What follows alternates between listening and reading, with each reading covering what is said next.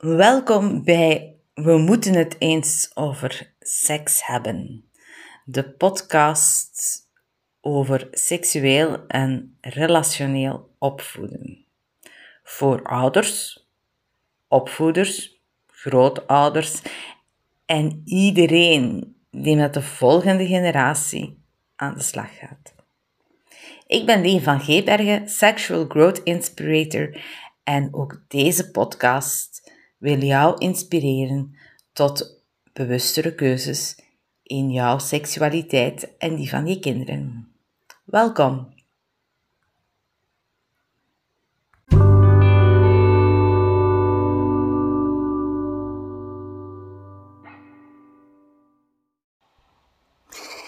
In deze derde aflevering van de podcast We moeten het eens over seks hebben, wil ik eigenlijk een vraag beantwoorden die ik best wel vraag, vaak krijg van ouders. En dat is een heel concrete vraag. Um, meest en het vaakst wordt ze gesteld door uh, ouders van jongens. En vandaar ook dat de aflevering uh, het heeft over piemeltonen. maar eigenlijk past het even goed in het verhaal van uh, vulva tonen, lichaam tonen, om het even wat, wat privé in je lichaam, aan je lichaam is, dat je dat gaat tonen aan iemand anders. Maar het is eigenlijk, dat is even een disclaimer, maar we gaan het eigenlijk wel misschien wel heel vaak over piemeltonen hebben, omdat het heel vaak vanuit die vraag ook gesteld wordt. Um, de vraag die heel vaak gesteld wordt door ouders is, hoe leg ik mijn kind uit dat aan wie en wanneer dat die wel of niet zijn piemel mag tonen? En dat is een heel concrete vraag die ouders eigenlijk heel vaak stellen omdat ze daar een concreet antwoord op willen. Ze willen uh, ja, de situaties afbakenen, heel duidelijk tegen hun kind kunnen zeggen, nu mag het wel en nu mag het niet.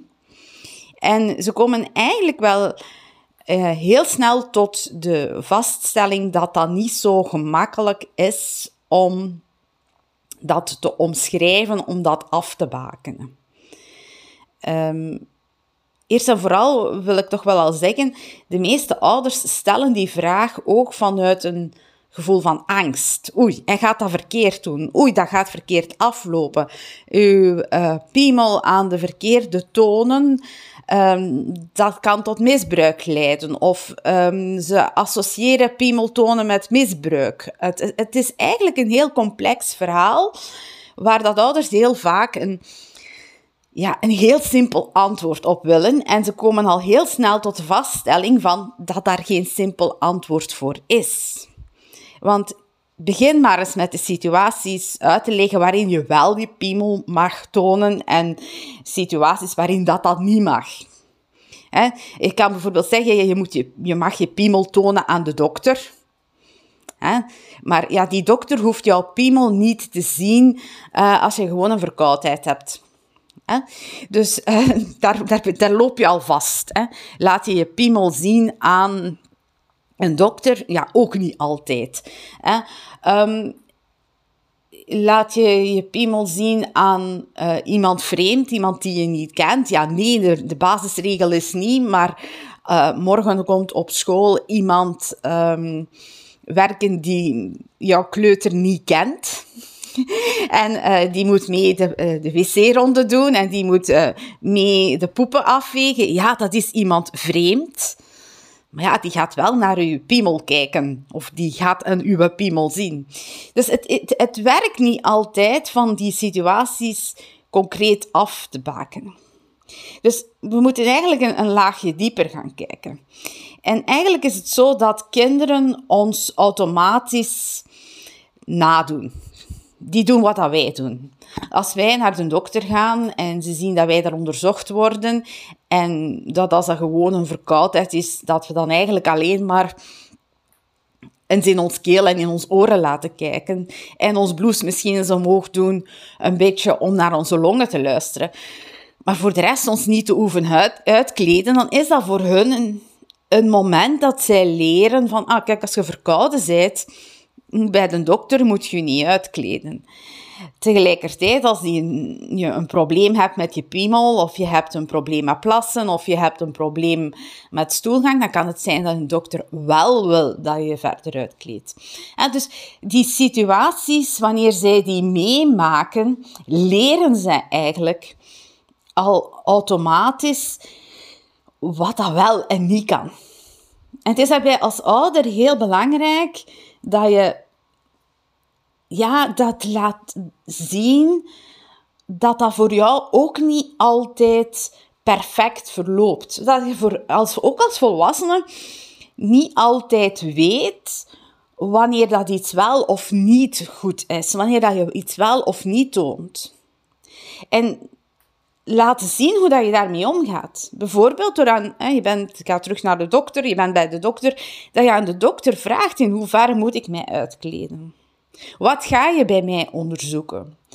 Wat ben je nu aan het onderzoeken? Ehm, kinderen zijn daar niet vaak mee bezig, maar bij aanwezig. Maar de momenten dat ze daarbij aanwezig zijn, is het heel belangrijk dat ze dat zien. Ook dan wanneer zij zelf onderzocht worden, dat je dat vertelt. Dat je zegt van, ja, de dokter gaat nu naar dat of dat kijken, omwille van dat, dat, dat. En dat zijn momenten dat kinderen eigenlijk een spons zijn. Ze pakken heel veel op in dat soort situaties en pakken dat als referentie, zeker als ze heel jong zijn, als een soort referentie voor de rest van hun leven. Wat ze gezien hebben bij mama en papa. En het is dan ook heel belangrijk dat um, je niet alleen laat zien wat je doet, maar ook je denkproces daarachter. En ook je, um, hoe zal ik het zeggen, je twijfels die je zelf hebt daarachter, dat je die ook voorleeft. Nu, om terug te komen op de vraag, we doen dat eigenlijk allemaal een beetje automatisch.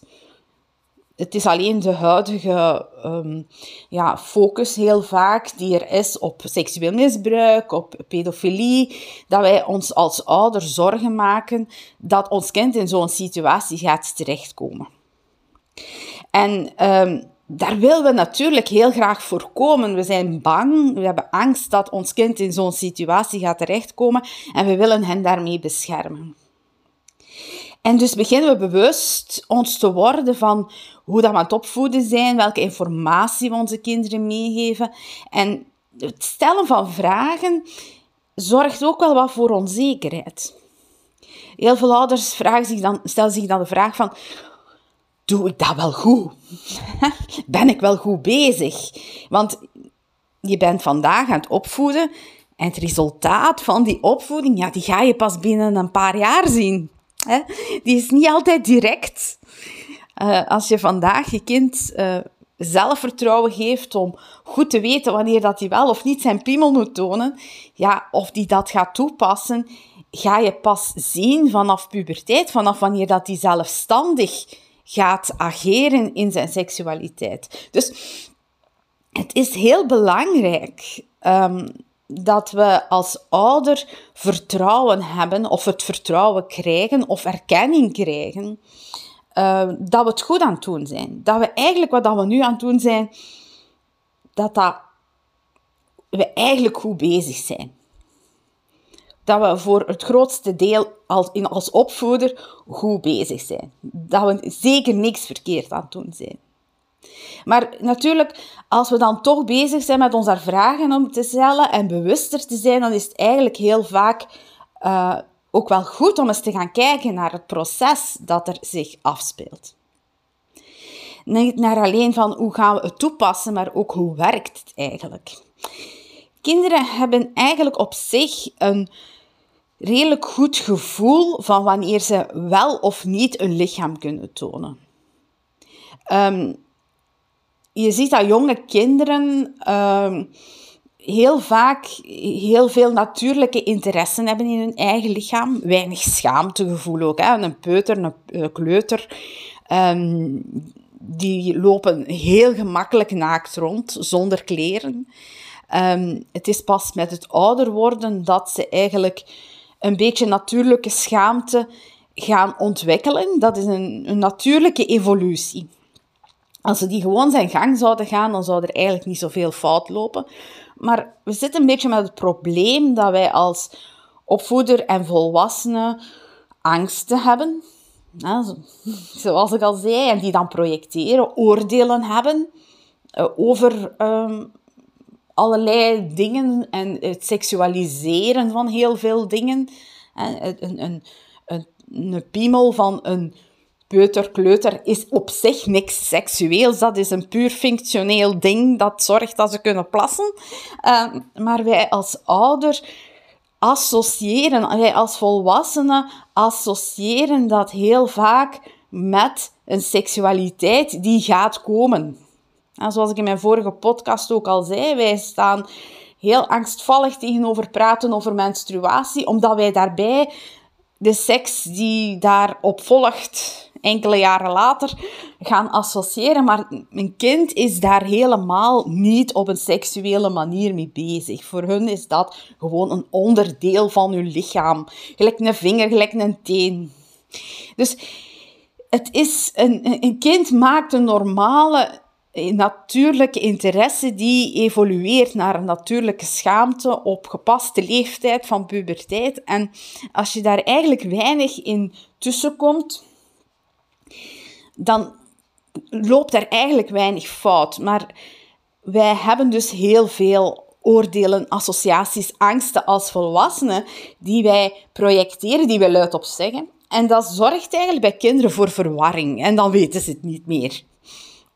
Dus het is eigenlijk belangrijk als opvoeder om daar een stuk het natuurlijk proces uh, zijn gang te laten gaan, om het zo te zeggen. Nu, onderliggend kan je wel iets doen. Want dat piemeltonen, dat is eigenlijk zo'n beetje het topje van de ijsberg. Onderliggend zijn er heel veel kennis en vaardigheden die je kind kan bijbrengen, die er eigenlijk voor zorgen dat dat stukje, dat concrete stukje van aan wie toon ik nu mijn piemel, aan wie toon ik nu mijn lichaam algemeen, dat dat eigenlijk ehm, maar ja, de, de is. Hè. Het, het onderliggende is veel meer belangrijk. Seksuele behoeftes en emotionele behoeftes van andere mensen inschatten is iets wat kinderen moeten leren gedurende hun hele leven. En automatisch kunnen ze dat wel. Kinderen die heel natuurlijk, vanuit een heel natuurlijke hechting, veilig gehecht zijn aan hun moeder, aan hun vader, en daarin vertrouwen hebben ontwikkeld, die weten dat goede volwassenen, volwassenen met goede bedoelingen, dat die hun behoefte, hun emotionele behoefte, niet bij hen leggen. Een kind dat veilig gehecht is, heeft ouders ervaren die hun eigen emotionele problemen oplossen en die er voor dat kind waren. Die er waren om de emotionele behoeften van dat kind in te vullen, maar de emotionele behoeften van de volwassenen werden of worden nog steeds ingevuld door een volwassene. Kinderen die vermijdend gehecht zijn, of angstig gehecht zijn, dat zijn kinderen die niet zo vaak dat voorbeeld hebben gehad. Waar mama haar angsten bij de baby heeft gelegd, of waar dat mama de baby als een soort van buffer heeft gebruikt naar papa toe, of waar dat mama uh, haar emotionele behoeften primeerde en troost ging zoeken voor haar eigen verdriet bij de baby. Dat zijn situaties waarin dat kind eigenlijk op een niet adequate manier eh, gehecht is geraakt. En dat is een risico later. Waarom is dat een risico later? Als we kijken naar seksueel misbruik, dan komt in seksueel misbruik eigenlijk vooral komt dat voor door daders, volwassenen, die hun eigen seksuele behoeften willen laten invullen door kinderen. En dat kind dat veilig gehecht is, dat gaat erkennen dat dat niet klopt. Die gaat zeggen, hé, zo heb ik dat thuis niet geleerd. Hè. Volwassenen moeten het bij volwassenen gaan leren en oplossen. Daar heb ik niks mee te maken. Um, een kind dat vermijdend of angstig gehecht is, dat niet zo veilig gehecht is, is verward daarover. Die herkent dat van, ah, mijn mama die kwam vroeger bij mij ook troost vragen. Ah, kijk, nu die lieve meneer, die komt hier bij mij ook ja, troost halen. Uh, die heeft iets nodig en die komt dat aan mij vragen. Kinderen die veilig gehecht zijn, gaan in zo'n situaties veel sneller voelen dat het niet helemaal is wat dat het moet zijn. Dus je voelt al dat daar eigenlijk onderliggend een heel belangrijke basis ligt.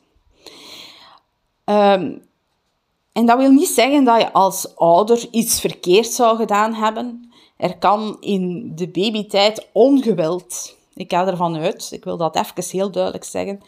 Ik ga ervan uit dat iedereen die begint aan kinderen en iedereen die begint aan relaties, dat doet met de beste bedoelingen ter wereld. Om daar iets moois en iets fantastisch van te maken. Maar wij zijn mensen met fouten, wij zijn niet feilloos, wij maken nu eenmaal fouten. En dan loopt het al eens in, draait in, of hoe zeg je dat, draait in de soep. Of uh, het, het loopt niet zoals het gepland is. En dat is geen verwijt altijd naar ouders toe. Ik ben ervan uit, ga ervan uit dat ouders hun stinkende best doen. En toch, ondanks dat je stinkende best doet, kan het fout lopen. En het feit dat je nu al luistert naar dit, dat je er nog ook nog altijd aan het luisteren bent, na al die, nadat ik hier al een kwartier aan het vertellen ben, wil zeggen dat jij als ouder vindt of wil, bereid bent om voor jouw kinderen de extra mile te lopen, de extra inspanning te doen, om te weten wat moet ik doen om mijn kind te beschermen, te beveiligen in gevaarlijke situaties. Dus wat ik als belangrijkste take-home message wil meegeven, is leg uw eigen behoeften niet bij uw kind. Leer uw kind dat volwassenen hun behoeftes bij volwassenen moeten laten invullen. En dat hoeven niet direct, je hoeft het daarvoor niet direct seksueel te benoemen. Dat kan ook gaan over troosten, over verdriet, over boosheid, over uh, alle emoties. En leef dat ook voor. Los uw volwassen problemen op met volwassenen. Zoek troost als volwassenen bij volwassenen. En leef uw kind voor dat het niet normaal is dat volwassenen hun behoeften bij kinderen laten invullen. En dat is voorleven. Twee, praat over jouw eigen twijfel. Praat over, met je kind over het proces dat je vaak zelf doorloopt. Praat met de andere volwassenen in bijzijn van je kind over je eigen twijfels. Laat aan je kind zien hoe ook in volwassen conversaties men zoekende is. Hoe wij zoeken naar vaak de juiste bewoording, de juiste handeling, naar de juiste aanraking, naar de juiste omarming. Toon, het, het is eigenlijk puur voorleven. Zet uw kind midden in uw leven. Scherm het niet af voor basisemoties.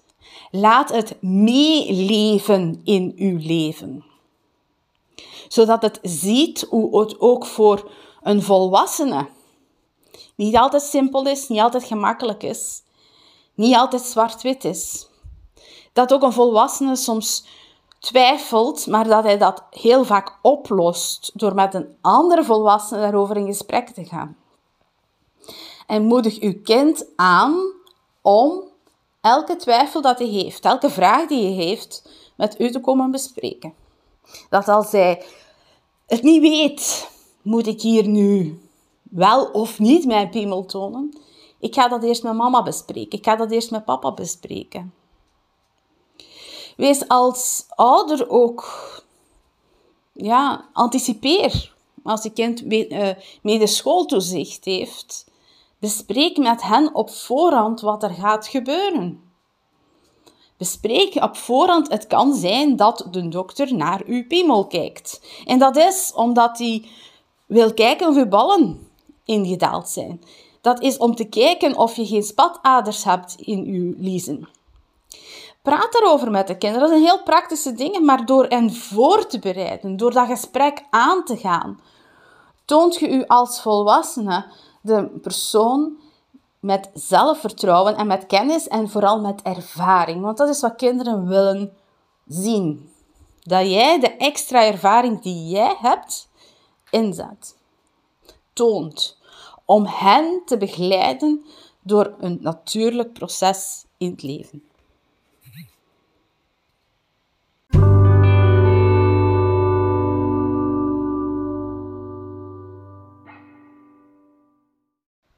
Dit was de derde aflevering van de podcast We moeten het eens over seks hebben. Ik ben Leen van Gebergen, Sexual Growth Inspirator en ik wil jou graag inspireren tot bewustere keuzes in jouw seksualiteit en relaties.